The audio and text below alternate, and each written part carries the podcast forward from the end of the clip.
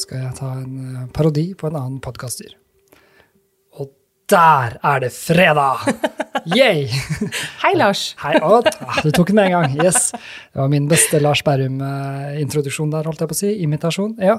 Men det er faktisk fredag, og Ja. det er podkast. Men du er ikke Lars. Nei, jeg er ikke Lars. Nei. Eh, for eh, de som er nye her, så er jeg Torbjørn, ja. Og Jeg heter Ingrid. Ingrid. Yes. Sammen har vi denne bitte litteraturpodkasten. Ja. Lettbeint litteratur. Det er det vi skal gjøre. Ja. Ja. Så det er veldig gøy. Eh, har det skjedd noe gøy sist? Nei, det har vel egentlig ikke det. Det har vært en eh, hektisk uke som vanlig. Ja, samme her. Ja. Det er uh, tida går, men eh, det er deilig med denne fredagsbolken. kan ja. slappe av litt ved å snakke om bøker. ja, og litteratur og alt mulig annet som er relatert på et vis. Veldig gøy. Vi, eh, jeg hopper i gang. Jeg har med litt, eh, en liten sak her. Vi, skal, vi kan se litt på um, den såkalte ukas betraktning. Ja. Ja. Eh, det er både en betraktning og en nyhet. Ja. Eller kombinert denne gangen. Eh, og eh, her er det jeg leste, er at i høst skal Jørgen Jæger besøke alle landets bokhandlere i forbindelse med utgivelsen av sin nye krim. Og i Han skal på 479 stopp. Oi, Det er mye! det er mye. Ja. Og så tenkte jeg å lese det sånn, ja, det er gøy. De kaller det Tårn Jeger. Det syns jeg også er veldig gøy. jeg skal starte, jeg starter nå i september. Og så tenkte jeg på, men det blir jo mye forfattermøter eh, for han, og han er veldig glad i Han har solgt 1,2 millioner bøker, og liksom, det er jo ekstremt bra. Eh, og så tenker jeg, hva gjør det med deg når du møter en forfatter før du har lest en bok, kontra om du møter en forfatter etter du har lest en bok? Og der var det jeg litt lurte på, eh, vil man møte forfatteren i det hele tatt? Nei, det er jo et veldig godt spørsmål. Jeg har nok gjort litt begge deler. Mm. Um, jeg, jeg opplever vel at å vite hvem forfatteren er, i hvert fall sånn live, eh, det former jo hvordan du leser boka. Absolutt. Um, på godt og vondt, på en måte. Ja. Det kommer jo litt an på hvilket inntrykk forfatteren gir som menneske. og hvordan... Dagsform er jo Absolutt. dessverre en ting. Og de er jo bare mennesker, de òg. um, men um, ja, vil, man, vil man møte personen bak? Noen ganger så vil man jo det, fordi man lurer så innmari på liksom Hvem er du som Ja. skriver dette? Ja. Og andre ganger så tenker jeg bare at dette er en bok jeg har lest, og det var kul, og så går jeg videre med livet mitt, liksom. Ja. Jeg tror nok det kommer an på litt sånn hvordan det påvirker deg også. Altså, jeg betaler penger for å møte Haruki Murakami. Det Ja, kan jeg bare si med en gang. Stå i kø og bare eh, liten Ja. håndtrykk, ja. Jeg trenger ikke så mye mer enn et hei, altså. Nei, nei.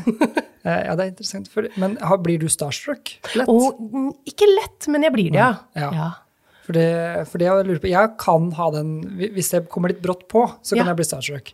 Uh, så hvis jeg på en måte plutselig møter en forfatter som jeg liker, så er jeg litt redd for at den situasjonen, som jeg føler da veldig klein og trengende, gjør at jeg kanskje ikke har lyst til å plukke opp en bok på nytt. Ja. Jeg, vet- og jeg vet ikke hvorfor, fordi da kanskje man føler seg liksom litt sånn mindre Eller liksom, ja, det vet ikke, at du får en sånn negativ konnotasjon, da. Jeg vet ikke, altså jeg eh, skulle Jeg bokbada Agnes Ravatn for Det er sant at du er proff. Det hadde jeg glemt. Nei, ikke veldig, men jeg har bokbada Agnes Ja. Ravatn for noen år siden. Uh, og den første mailen jeg fikk fra henne som var sånn Hei, Ingrid, vi skal bokpreke. Ja. Den er fortsatt screenshotta på uh, telefonen min under mappen Stas. Så Stas, ja, ja. da, bli starstruck. Men når hun først da kom og vi prata sammen, så hadde det roa seg. Men den første interaksjonen med en forfatter jeg setter veldig høyt, var sånn Ja. Og den, den har jeg spart på. Ja, ja det, er, eh, det er veldig gøy. Ja.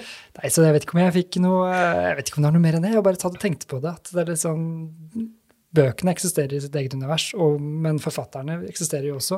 Og når de to interagerer, så er det liksom så er det litt sånn, Hvordan blir det skjevfordeling? Vet ikke. Jeg vet ikke.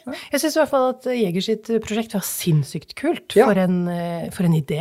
Det er Kjempemessig. Det er jo turné... Altså, det Ja. 479.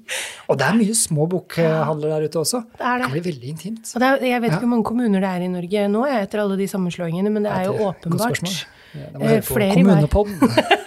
Den eh, har ikke vi, dessverre. Eh, Men det, det, det er jo mange flere enn en i hver kommune. Så, Ja, det- ja, det må jo det, ja. Så det er jo helt Og hvor mange har ikke? Ja, det er også en interessant Det her er jo også en inter... det, det her er jo et tema vi kunne holdt på med i Kanskje vi må følge, følge opp. Bokhandlertråd. Bokhandlertråd. Ja.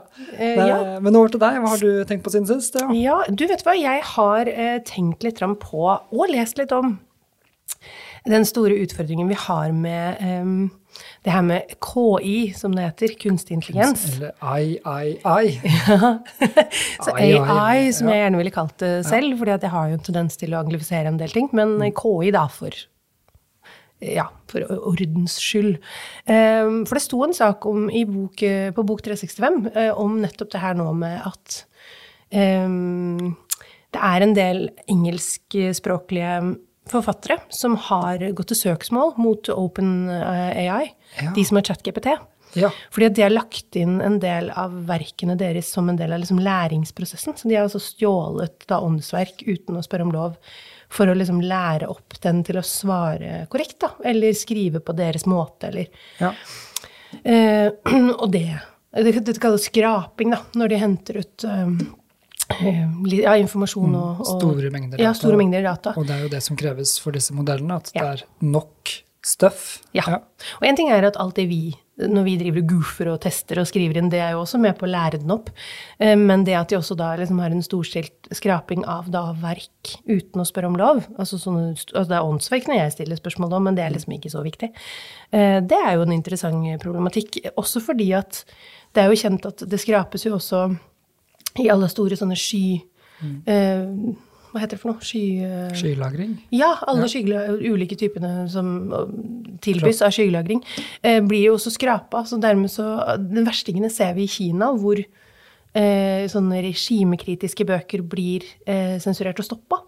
Fordi det er blitt oppdaga av eh, KI at Ja. det er kritikk. Og at de Så det kommer aldri ut. Privat ja. Å, Hermetegn funker så dårlig på radio, men ja, privat skylagring. Ja. Eh, Så jeg bare synes at det, altså det er jo en kjempeutfordring vi har i, eh, i litteraturverden. Altså både det at det blir stjålet åndsverk, men også det at det er jo ikke lenge før de første KI-skrevne bøkene kommer. Og er det greit? Ja. Ja, men vi har, ja, vi har jo ikke ju- jussen til å svare Nei. på det. Og det er veldig interessant når du da har forfattere som sier at ja, dette er mitt verk, som har blitt brukt til å lage denne modellen. Mm. Uh, og da kommer jeg på en annen Si at du da har eh, virkelighetsforfattere og virkelighetslitteratur og samtidsforfattere som er sånn Ja, du har brukt mitt åndsverk til å lage en modell som er sammensatt av veldig mye ting, og et nytt åndsverk, og det skal jeg på en måte, Det er mitt eierskap, mens mm. de bruker da levende modeller eh, av mennesker som de har kjent, og lager fiktive personer og litt sånn sannhet. Og det er liksom greit. Ja. Burde ikke det kunne brukes mot de, det argumentet? Det burde jo det, for da skal jo da også da de som blir skrevet om, ha eierskap i historien. Ja. Eh, Og det har de jo ikke. Nei, og der er det jo litt tydelig. Dette er jo min sannhet, og en AIs eh, modell er jo dens sannhet, Ja. basert på det den har sett og tolket. Jeg syns det her er spennende, altså. Ja, er, vi, har, vi har ikke noe Vi har ikke noe gi oss som svar. Nei, det er minefeltet der. Men jeg syns det var interessant. Jeg synes det var en interessant eh, tematikk som det blir interessant å følge med på framover. Helt enig. Dette, dette er hva heter det upløyd mark. Det er det. Mm. Og det er eh, lenge igjen til vi har svaret, tror jeg. Ja. Ja.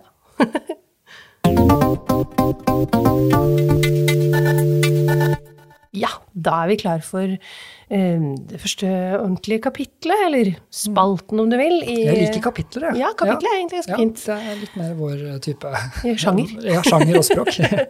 Eh, I, I denne bitte litteratur så har vi da litt ulike kapitler, som vi nå da kaller det. Um, og dette er da ukas stikkprøve. Stikkprøve. Ja. Og det betyr rett og slett at vi skal finne en bok på hylla som vi syns ser interessant ut, av ulike grunner. Og så skal vi finne en, eh, et liten, liten snutt derfra, lese høyt og sjekke om er dette noe. Ja. Rett og slett. Eh, og det er jeg som skal ha med noe i dag. Og jeg har eh, tatt med en bok som jeg måtte hente på hurtiglånhylla, fordi at den fins nesten aldri i hyllene. Nei, den er populær. Den er veldig populær, eh, og jeg er jo interessert i What's the hype? Eh, sånn at da tenkte jeg denne kunne jeg tenkt meg å sjekke ut. Ja, Kanskje. Ja. Det er da Inga Strumke sin eh, maskiner, som, maskiner som tenker. Ja, Radiofaglig sterk overgang her nå, fra Ja. AI-nyheter til uh, maskiner som tenker. Ja. Ja, ja, ja, vi leker ikke i podkast her i huset. Og jeg tenkte rett og slett at vi skulle starte opp uh, At jeg stikkprøva er rett og slett fra starten. For dette er, en, dette er ikke en roman. Nei. Nei. Det er en fagbok eller en sakprosabok. Dette er sakprosa, 'Maskiner som tenker'. Ja. Uh, og det er en av de mest populære sakprosabøkene vi har om dagen. Absolutt. Så den er veldig i vinden. Men da er jeg litt sånn ok, så hva er nå dette? Ja. ja, men la oss høre. Ja, så da har vi det fra starten. eh, hvor da kapittelet heter 'Verdens mest vellykka svindel'. Oi. Erkehertuginne Maria Theresia av Østerrike må ha vært litt av en dame. For å imponere henne bygget oppfinneren Wolfgang von Kempelen det som seinere ble kjent som verdens mest vellykkede svindel. Den mekaniske tyrkeren. Dette vidunderet er av en maskin sto for, eh, for de første overskriftene om maskiner som spiller sjakk bedre enn mennesker, allerede på 70-tallet. På 1770-tallet, altså. Maskinen besto av en mekanisk mann ikledd kappe og turban, sittende på en boks med et virvar av tannhjul og tilsynelatende komplisert maskineri. Tyrkeren kunne spille sjakk mot mennesker, og spillet starta ved at den, eller han, beveget hodet fra side til side, som om han så på sjakkbrettet og planla første trekk. Så skjøt armen hans plutselig frem, og de mekaniske fingrene plukket opp en brikke før den satte den ned på et lovlig felt. Akkurat dette var ikke nok til å imponere 1700-tallets innbyggere, som hadde sett mekaniske dyr med langt mer overbevisende detaljer enn denne grove etterligningen av et menneske. Det banebrytende var selve spillet. Tyrkeren var god i sjakk. Skikkelig god. Selveste Napoleon Bonaparte ble slått av tyrkeren, og gikk i graven med troen på at en maskin hadde slått ham i sjakk. Tyrkeren spilte kreativt og tilpasset seg motstanderens spill. Eh, spill etter spill. Og skulle noen prøve seg på juks, slik Napoleon eh, gjorde da han utfordret tyrkeren i 1809, flyttet tyrkeren brikken tilbake til der den kom fra.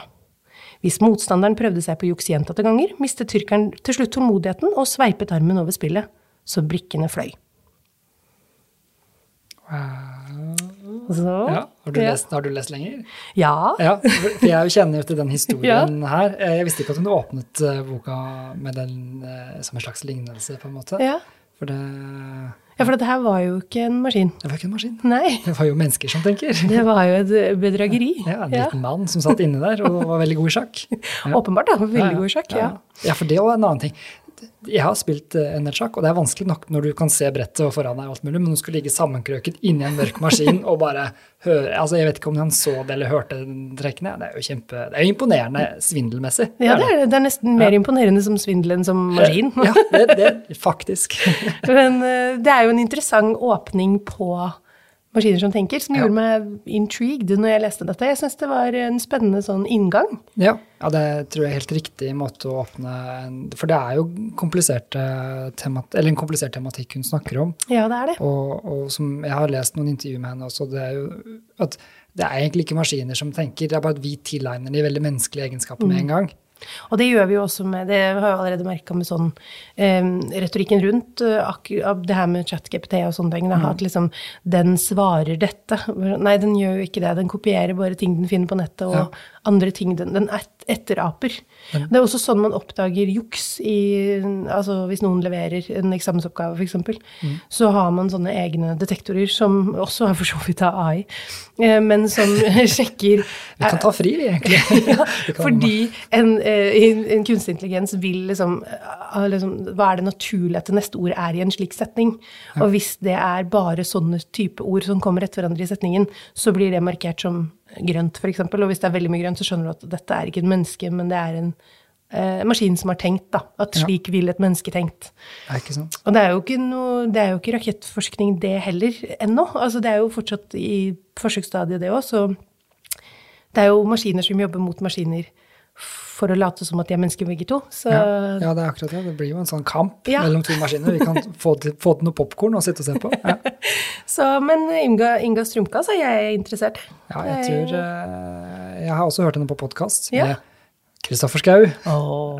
Det går ikke en podkast uten at vi Nei, nevner nei, han- vår store helt. Det er helten vår, det. Uh, han, for da snakket de blant annet om, ja, om kunstig intelligens. Og kanskje en, jeg lurer på om det var hun som prøvde å fortelle, forklare relativitetsteorien til han òg. Ja, hun er kjempegod. Ja. God formidler. Ja, kult. Ja, da har jeg sjekket den boka, så tenker jeg. det skal jeg gjøre. Må vente til den blir ledig først.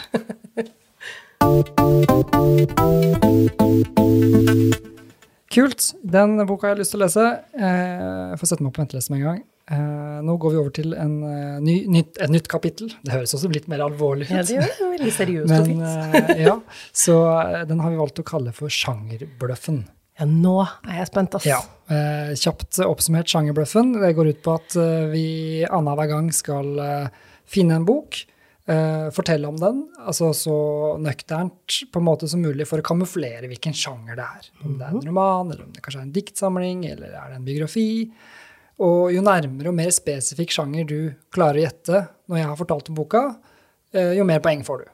Ja. Uh, utgangspunktet får du et poeng hvis du blir riktig sjanger, og klarer du til og med å gjette boka, så skal du få ekstrapoeng også. Uh, Ja, ja, har ikke fått det til ennå, noen av oss. Nei, så det dette er veldig, veldig vanskelig. Ja, det er det. Man tenker det er superenkelt når man sitter og skriver ned disse setningene, men uh, det er utrolig vanskelig å gjette. Så eh, vi får se da om vi klarer å ta det. Og om jeg går for en dobbel bløff eller en trippel bløff, eller bare er super Altså jeg bare leser fra baksiden av boka. Det bør jeg kanskje gjøre en gang også. Synd at jeg har spoilet den. Men vi får se, du vet aldri når den kommer. Nei, det er Å, altså, ja, men det er Man blir jo så paranoid også. Det er sånn Er det du som prøver å lure meg, eller bare prøver du å lure meg til å tro at du lurer meg? Altså, man blir jo helt Det blir, kan bli av sprø av mindre.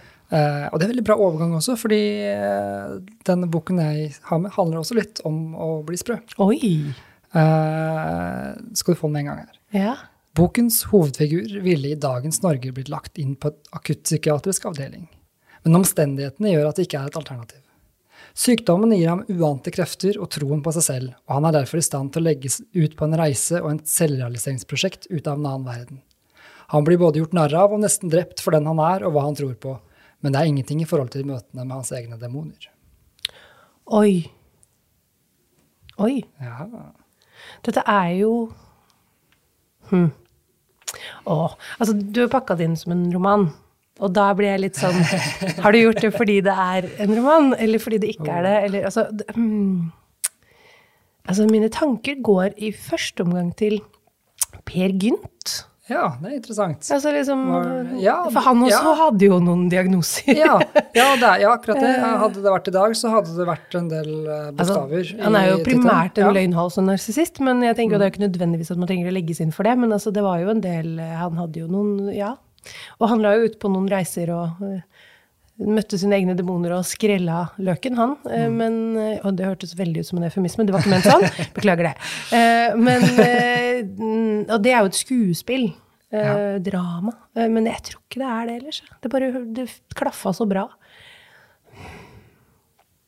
Eh, Du har to spørsmål. hvis du Ja, jeg har det, vet du. Det glemmer jeg jo. Em, er boka norsk? Nei. Nei. Da er det jo ikke begynt. Jeg løste Det er så veldig bra. Ja, det, nå funka det faktisk et spørsmål. For en gangs skyld. Hmm. Er den um, skrevet de siste ti årene? Å nei. Å nei, den er gammel. Mm. Oi, Det ble et lite ekstra hint der. Ja. hva kan dette være, da? Nei, altså, jeg tror vi er i romanriket, altså. Men eh, sjanger utover det, det er vanskelig å si. Litt sånn oppvekstromanaktig, kanskje? Ja. Ja, endelig svar avgitt, med veldig mye usikkerhet. Ja. Du, skal, du skal få for roman så vidt. Oh. Fordi den er jo Det spørs litt hvordan man vil ønsker å definere en roman. Ja, ok. Fordi eh, romanen er jo egentlig en relativt ny oppfinnelse fra Ja. 1700 og videre. Denne boka er fra 1605. Å, hallo. Den heter Don Quijote. Åh. Den skarpsindige lavadelsmannen Don Quijote av La Mancha. Den burde jeg jo ha tatt, rett og slett. Ja, så det. For han blir jo gæren, han, og Ja. skal ut i verden. Og de største problemene hans er jo vindmøllene. Det er hans demoner, det. Ja. Folk gjør narr av han hele tida, og alt mulig. Ja. Jeg føler det er noe likhetstrekk mellom han og Per Gynt, altså, så jeg føler at jeg har en liten, Du, liten jeg bonus på dette, den. er det- dette er det beste så langt. Absolutt. Så nei, du får poeng. Du får poeng. Jeg kaller det jo en roman. Det står på romaner hos oss. og- Ja, det er vanskelig å betegne det som noe annet, Ja. egentlig, vel? Ja, Selv om er- den er eldre. Ja, det er akkurat det. på en måte man skrev, Og så har den blitt tilpassa litt format. og det ble nok, ja, Jeg er litt usikker på hvordan den spanske originalutgaven er Ja. i forhold til den norske utgaven fra Gyllendal eller Aschehoug i 1990, som jeg har lest. Jeg tror ikke mine videregående spansk kan hjelpe deg på noen veien ellers, så jeg må nok kjøre den på norsk. Ja. Så du får et poeng for roman. Hadde du sagt uh, klassiker, så skulle du fått et halvt poeng til. Ja, ja, så var en liten. Men det er veldig bra jobba. Takk, takk. Gratulerer. Like måte. Det var bra, bra kamuflert. Ja, veldig god bok òg. Ja, jeg er- anbefaler folk å lese den, faktisk, selv om den er svær. Ja, den er tjukk, men den er verdt det. 100 Mm. Da er det klart for den eh, kreativt eh, navna, eh, det, det kreativt navna kapitlet Topp tre. Ja, ikke spalten topp tre. Kapittel, topp det tredje kapitlet. Ja, Nei, det, nå det blir bare er- verre og verre. Ja, det, vi bare rører oss inn i et eller annet der. Velkommen til oss. Hallo. Eh, jeg har eh, i dag valgt å gå for topp tre åpningssetninger i bøker. Ja, kjempegøy! Men så har jeg også et lite spørsmål om, om lov til Kan jeg få ha to boblere før jeg går løs på lista? Ja. Takk. Det Eh, er For vår spalte. boblere. Det er, vår, det er vårt kapittel. Det er derfor jeg spør deg om lov. Jeg turte ikke spørre om forhånd. Dette er flat struktur. Jeg tar ikke noen avgjørelser øvelser aleine her. Og så kan jeg ikke spørre deg før vi er på lufta, for da begynner du å skjønne. Nei, vi, Ja, ja. der kjører det vi er boblere. riktig, riktig. Ja. Eh, Min første bobler er da Lev Tolstoy sin Anna Karenina, mm. som starter med 'Alle lykkelige familier ligner hverandre'. Hver ulykkelige familie er ulykkelige på sin måte. Mm. Som jeg syns er en fin måte å sparke i gang en historie på. Mm. Eh, Men ikke bra nok til å komme på topp tre. Nei, oi, det sier litt om topp tre. Eh, og så har man jo klassikeren, den må jeg ta på engelsk. Eh, det er da Dickens, eh, Charles Dickens, for de som ikke kjente det igjen, sin A Tale of Two Cities, eller To byer, som da starter med It was the best of times, it was the worst of times. Som jo er blitt et begrep, et uttrykk. Så den er liksom, det er liksom gjenkjennelig, og det liker jeg. Ja, men Fint du tok den, for jeg tror det er mange som glemmer hvor den er fra. Ja. Meg sjøl inkludert. Det var noen år jeg bare ja, er det? Nei, det er ikke Dickens, det, er det det? Ja. det er det. Det er liksom en frase som ligger der, sånn, og den er så lett, den er så rytmisk og fin. Den er veldig fin. Ja. Ok, så til lista. Til lista. Yes, Ja. hva, hva, men hva har kriteriene dine vært da for at de kom på lista og ikke og boblerne forsvant, liksom? Hva er det? Altså, det er to ting. Det ene er at jeg, flere av dem husker jeg. Altså, jeg, jeg har dem Ah, fortsatt. så, så eh, mem, Men, mem, memor, altså at de er uh, huskbare? Ja, de, var liksom, de, de satte spor Ja, i meg, på en måte. Catchiness. Ja. Ja. Og så er det noe med at um, um, Jeg liker disse tre bedre. ja, det er ærlig nok. det. Ja, for det er min topp tre, tross Ja, alt. absolutt. Men uh, vi begynner på uh, tredjeplass uh, med vår egen Karl Ove Knausgård. Den må faktisk på lista. må på lista. Min kamp 1. Denne her er, kan vi alle, men jeg kan si den allikevel. Eh, For hjertet er livet enkelt. Det slår så lenge det kan, så stopper det. Og det er så kraftig at jeg nesten får gåsehud hver gang jeg sier den. Jeg syns det er så imponerende start. Tenk deg han har skrevet seks megatjukke bind, og det er den setningen Ja, ja. som sitter. Han har så mange setninger. Ja. Og den, og det. Jeg ble overraska da jeg leste det bindet igjen, og åpna med den. Jeg, jeg bare Hæ? Ja. Jeg trodde det bare skulle være babling fra Ja. Og det er en del babling. Det er mye babling også, men det er poesi. Ja. Altså starten er poesi. Men du setter faktisk standarden for at dette her har ganske høye litterære kvaliteter. Da. Ja. For han er veldig flink. Um, så Ja, det var eh, bra. Uh. Ja, den er fin. Så må jeg også da selvfølgelig innom uh, igjen da, en eh, nordmann. Uh, Omstridt sådan. Nei da. Men uh, Knut Hamsun sin Ja, Sult. ja, ja. Sult er en klassiker, og den er jo da, for de som ikke husker hvordan den starter Det var den tid jeg gikk omkring og sultet i Kristiania, denne forunderlige by som ingen forlater før den har fått merker av den. Mm. Den er ganske heftig, den også. Den sitter. Ja. Og, og, og spesielt på, i tiden den kom. Ja. Altså Eller da var det kanskje vanligere å sulte på én måte, Mm. men allikevel så er det ja, altså Han har den psykologiske eh, romanen som sin ting, og det Ja. Ja, og Oslo som bakteppe, og det hele, hele, hele pakka. Så den er, eh, den er fin, den, altså. Så har jeg da på uh, førsteplass en svenske. ja. Det Skal du ta den på svensk? Nei. Ja, nei! nei. Ikke i dag, nei. Eh, jeg tenker at vi tar den på norsk. Eh, Men dette er rett og slett uh, Fredrik Backman, som annet har skrevet En mann ved navn Ove, og en del andre. Ja, Britt-Marie var her, og mange fornøyelige, fine bøker. Han har også skrevet en serie fra et lite tettsted som han kaller for Bjørnstad. Og den første boka, Bjørnstad, den begynner sånn her. Sent en kveld i slutten av mars tok en tenåring en dobbeltløpet hagle i hånden, gikk rett ut i skogen, satte våpenet mot et menneskes panne og trakk av. Dette er historien om hvordan vi havnet her. Og den eh, sitter, altså. Ja, den eh, Ja. Den, er- den er sånn, den har jeg også, apropos screenshots på telefonen, den ligger bare der, for den, den, er så, den er så god. Eh, For boka i seg selv handler jo egentlig om en hockeyby, Ja. eh, og, men også da om en del trøblete ting eh, som skjer, nettopp som gjør at man står der da, med en hagle i panna på noen. Um, og hvordan byen tar stilling til hva som har skjedd ut fra eh, hockeyen. Ishockeyen. Ja. Ishockey står stort i Sverige. vet du. Alle små tullebyer har jo sin eget, eget hockeylag. Og hvor mye viktigere hockeyen er enn enkeltskjebnene.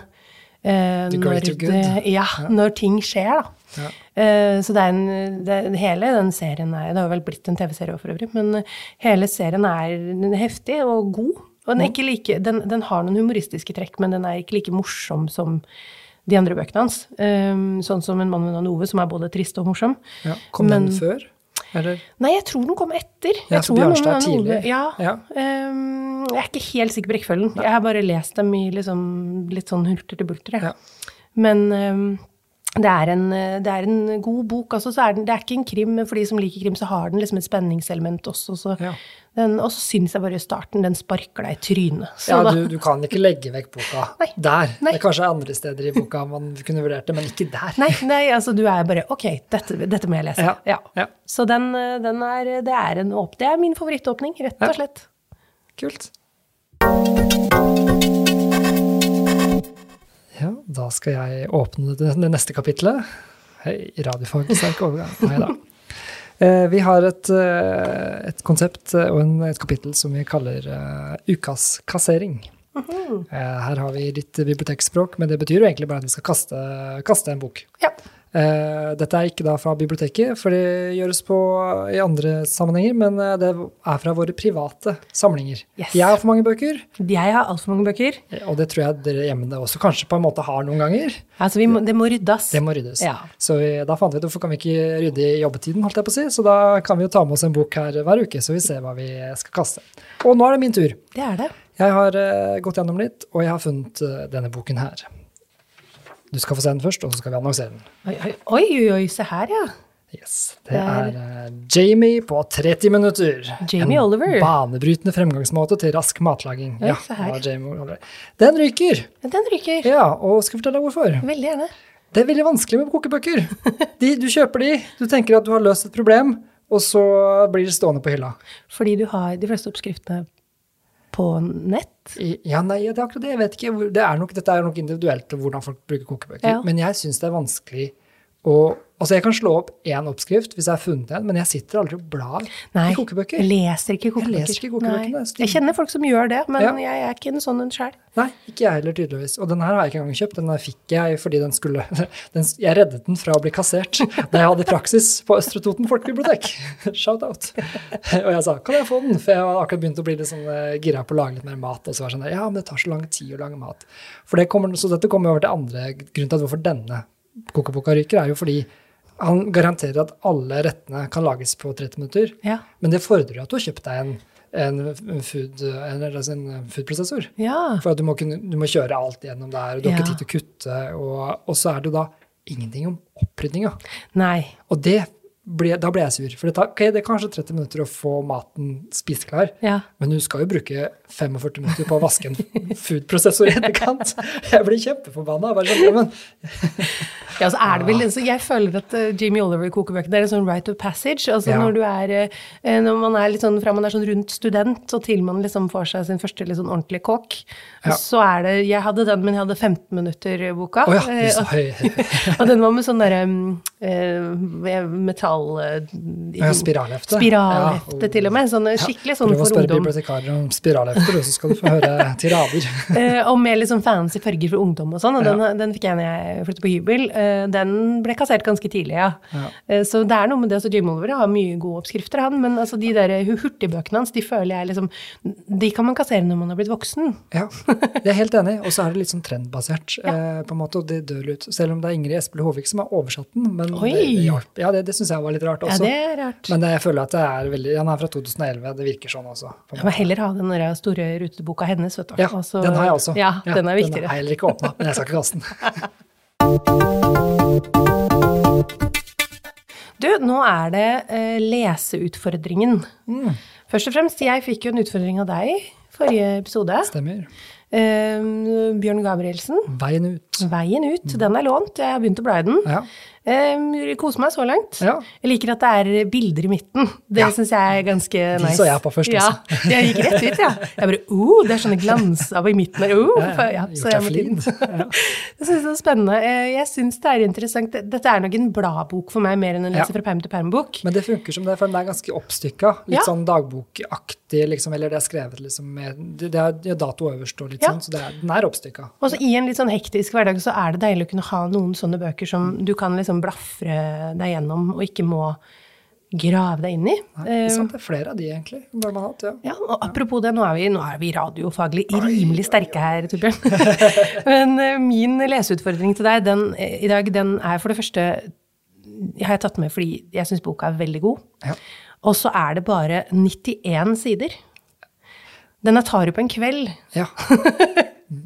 Det bør jeg. Det kan jo hende du har lest den, det vet jeg jo ikke. Kjenner jeg ikke så godt ennå. Men eh, for det første så er dette en roman med den kuleste tittelen jeg vet om. Ja.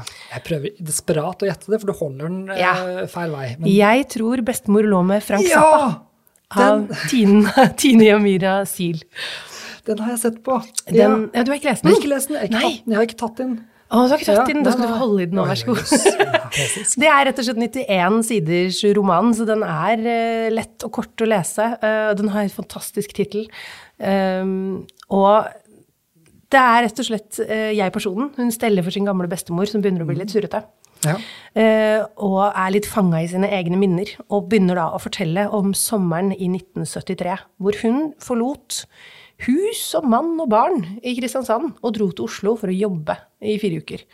For å frigjøre seg litt, tror jeg. Hun rett og slett en sånn der, ah, Hun følte seg litt kvert og dro. Klaustrofobisk eh, Ja. utgangspunkt, ja. Og da var det fire intense uker hvor hun bodde på en slags sånn hybel, og det var kjærlighet, og det var frihet, og det er begjær, og det er stikk av dårlig samvittighet, selvfølgelig, fordi det er jo ting som foregår. Det er begjær og stikk av dårlig samvittighet.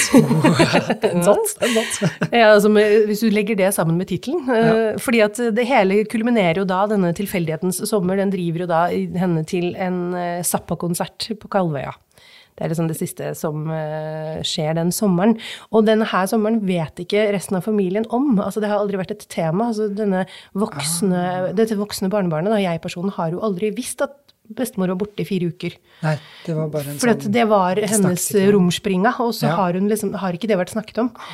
Um, så når da hun sitter og forteller det barnebarnet sitt dette, så det er jo da bestemors historie vi får høre, da, så er jo da hennes uh, tolkning av dette er jo Jeg tror bestemor lå med Frank Zappa. Som er Det er den kuleste tittelen ja, for en mann. ja, det, er, eh, det, det er kongetittel, altså. Ja. Ah, nei, kult. Det, nei, jeg, jeg har fått den anbefalt eh, tidligere. Har liksom hatt den i periferien. Aldri kommet meg bort til den. Nå som jeg ser at den er så tynn også, så er jo det jeg har ikke skjønt, Skjønner jeg ikke hvorfor jeg ikke gjorde det. Nei, nei, men altså, den, den, altså, det er mange tynne bøker, men den her Ja. er jo liksom Det er luftig layout, den er kjapp å lese, og så er den sånn, den driver deg videre òg. Du Ja. har ikke lyst til å legge den fra deg. Men det er, akkurat det, det er jo det som er den. psykologiske effekten. At det er en tynn bok fordi det er en til side. men, det, er, men det, har ikke noe, det skal ikke nødvendigvis gjenspeile innholdet, da. Nei. Eller i måten tyngden den gjør med deg. Men det er psykologisk mye enklere å plukke den opp. Absolutt. Så dette, dette er bra. Ja, den, og det er bare å glede seg, altså. Ja. Eh, så det, det gjelder alle, så den anbefaler jeg virkelig. Det er en eh, fornøyelig bok.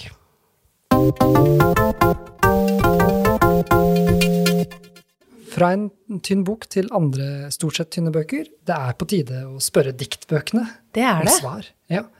Da er det du som skal ha med deg spørsmålet i dag. Det er det. Og vanligvis pleier vi å gå ut og, og ta og finne den eh, Ja, jeg kan jo forklare konseptet. Vi går på dikthylla her på biblioteket, og så tar den ene står med ryggen til eh, og sier stopp når den andre peker helt tilfeldig på boktitlene, og så tar vi med oss boka inn i studio, og så blar vi opp til, på tilfeldig side og tilfeldig setning for å få svaret på et spørsmål.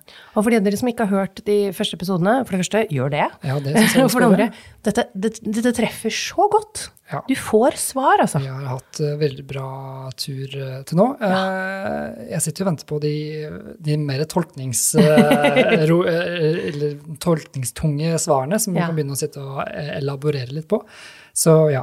Jeg, jeg kan ta spørsmålet mitt Ja. denne gangen, og så kan vi gå ut og finne en bok. Og så kommer vi tilbake igjen etterpå. Men eh, ja, spørsmålet er Eh, Ja, det er en liten intro. Jeg har jo sittet og jobba med virkelighetslitteratur i det siste. Fordi Ja. vi har jo hatt et prosjekt her på biblioteket. Eh, og så sitter jeg og leser, og så, og så, så blir man liksom Spesielt når man leser Knausgård, så blir man sånn Ja, han skriver jo bare om ting som har skjedd han, liksom om sitt eget liv. Ja. Og så blir man litt sånn kan jeg, kan jeg gjøre det samme? det, må, det er en tanke baki der som bare Ja. Ja, men hvor vanskelig er det, på en måte? Ja. Så, og det tenker jeg det er veldig mange som tenker når de leser. I hvert fall ting de lik, liker å lese. da. Mm. Eh, så mitt spørsmål er rett og slett Er jeg i stand til å skrive en roman? Oi. Og det håper jeg at jeg får et svar Ja, på. det er For det er jo mye jobb hvis man ikke får det til. så vi går ut og sjekker, da. Det gjør vi. Ja, ok. Dikthylla, den er her nå. Eh, nå er det faktisk første gang at du vet spørsmålet før du skal se på bøkene. da. Det Tror du det påvirker hvor du begynner?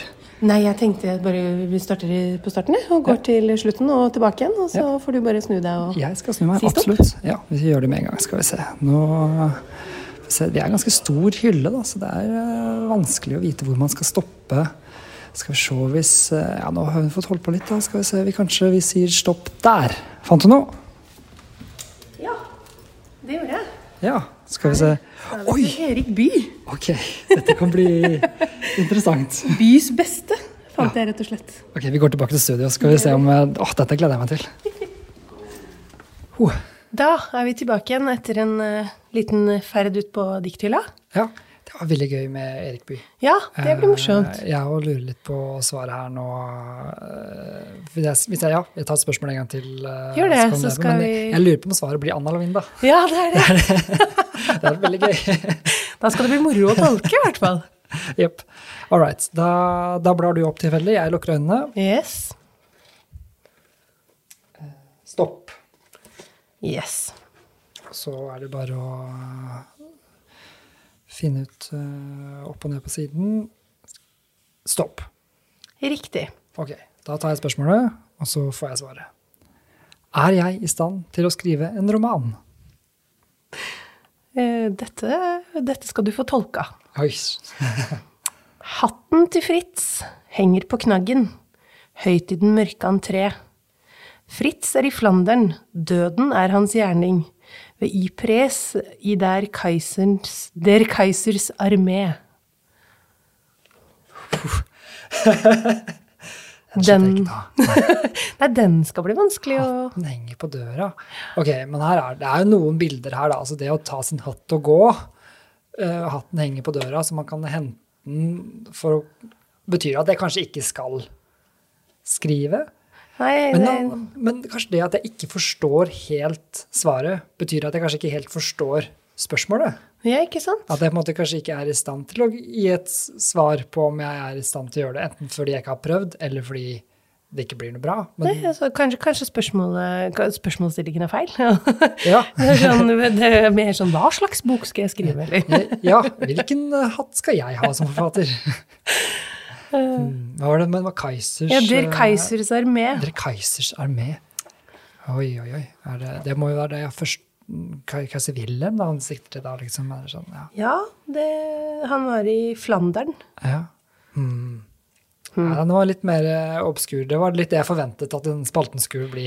Ja, altså Ja. de foregående har jo vært så klaff at det nesten har vært pinlig, så denne gangen fikk vi faktisk noe å tygge på. Det er også det mest konkrete spørsmålet, føler jeg òg litt, da. Det er sant. Fordi det, det er jo egentlig et ja-nei-spørsmål. Det er det. Og jeg har prøvd å unngå det litt, men uh, ja. Jeg likte det.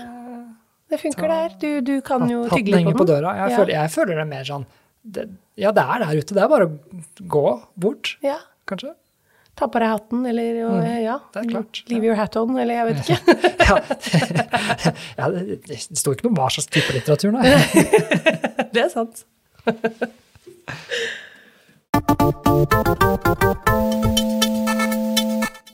Da skal vi over til eh, anbefalingen. Anbefaling. Anbefaling.